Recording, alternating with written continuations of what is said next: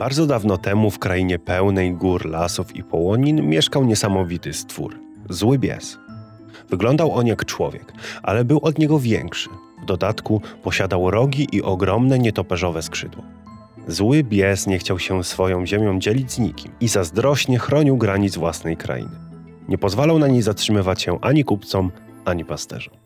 Pewnego dnia do krainy złego biesa przywędrowało obce plemię, którego przewodnikiem był silny i mądry San. Nowa kraina spodobała się towarzyszom Sana, postanowili więc oni założyć tutaj swoją siedzibę. Nad największą rzeką wybudowano chaty i zaczęto uprawiać ziemię. To bardzo nie spodobało się Biesowi, który jak tylko mógł uprzykrzał życie nieproszonym gościom. W miejscu, gdzie ludzie wykarczowali las, Bies sadził nowe drzewa. Tam, gdzie ludzie zakładali pola uprawne, Bies wpuszczał dzikie zwierzęta, żeby niszczyły wszystkie zbiory. Do zagród z owcami prowadzał wilki. Jego złośliwości mocno dawały się ludziom we znaki, ale sam tak bardzo ukochał nowy dom, że nie chciał już go opuszczać i zachęcał wszystkich towarzyszy do pozostania na tej ziemi. Bies, widząc upór ludzi, wyczarował sobie do pomocy czadów, równie złośliwych jak on sam. Czadów było tyle, ile starych drzew w lesie, a wszystkie one, pokraczne i psotne, dokuczały ludziom z całych sił. Czady niszczyły zboże, rozganiały bydło pasące się na połoninach, straszyły małe dzieci, budziły ludzi śpiących po ciężkiej pracy, chowały gospodarzom narzędzia, dosypywały piasku do jedzenia. Ich złośliwości były tak liczne i tak dokuczliwe, że życie mieszkańców krainy stawało się nie do zniesienia. Ale dzielny San postanowił pokonać złe siły i zapewnić swojemu plemieniu dobre życie. Pewnego dnia, gdy San pracował w lesie z innymi trwalami, po ścięciu drzewa usłyszał krzyki i jęki. Wtedy San zajrzał pod zwalne drzewo, zobaczył tak niewielkiego czada przygniecionego pniem, który zaczął błagać Sana o darowanie mu życia.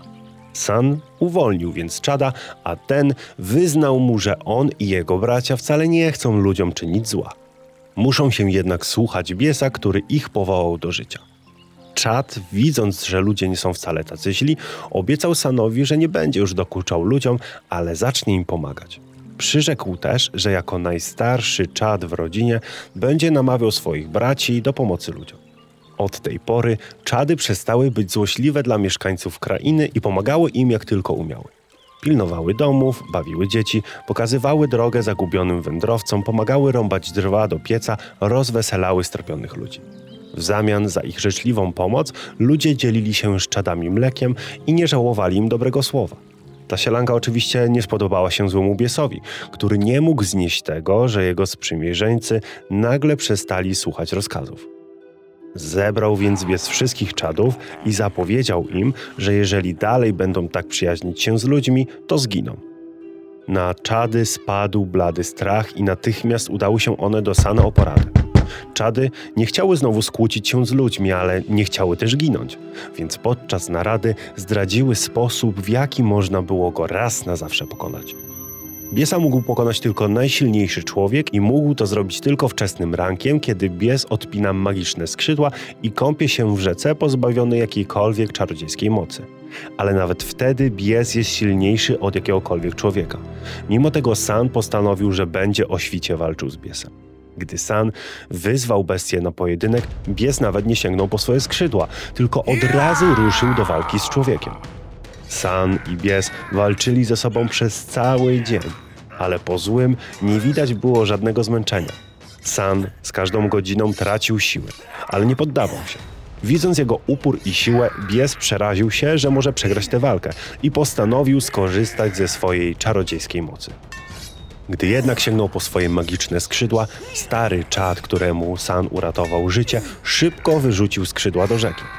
Cała moc skrzydeł przeszła na wody rzeki, która nagle zmętniała, wzburzyła się i porywała obu walczących ze sobą przeciwników. Bies nie potrafił pływać, więc rzucany falami w końcu zatonął.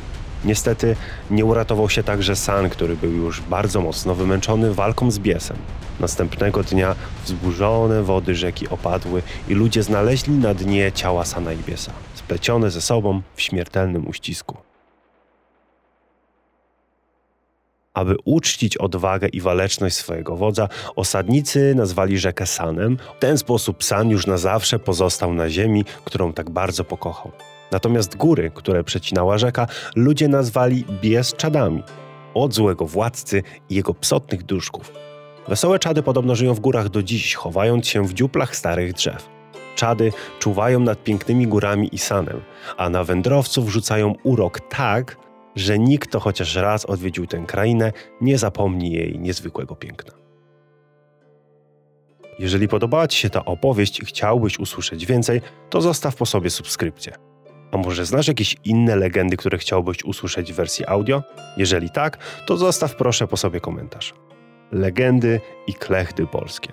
Wszystko ma swoją historię.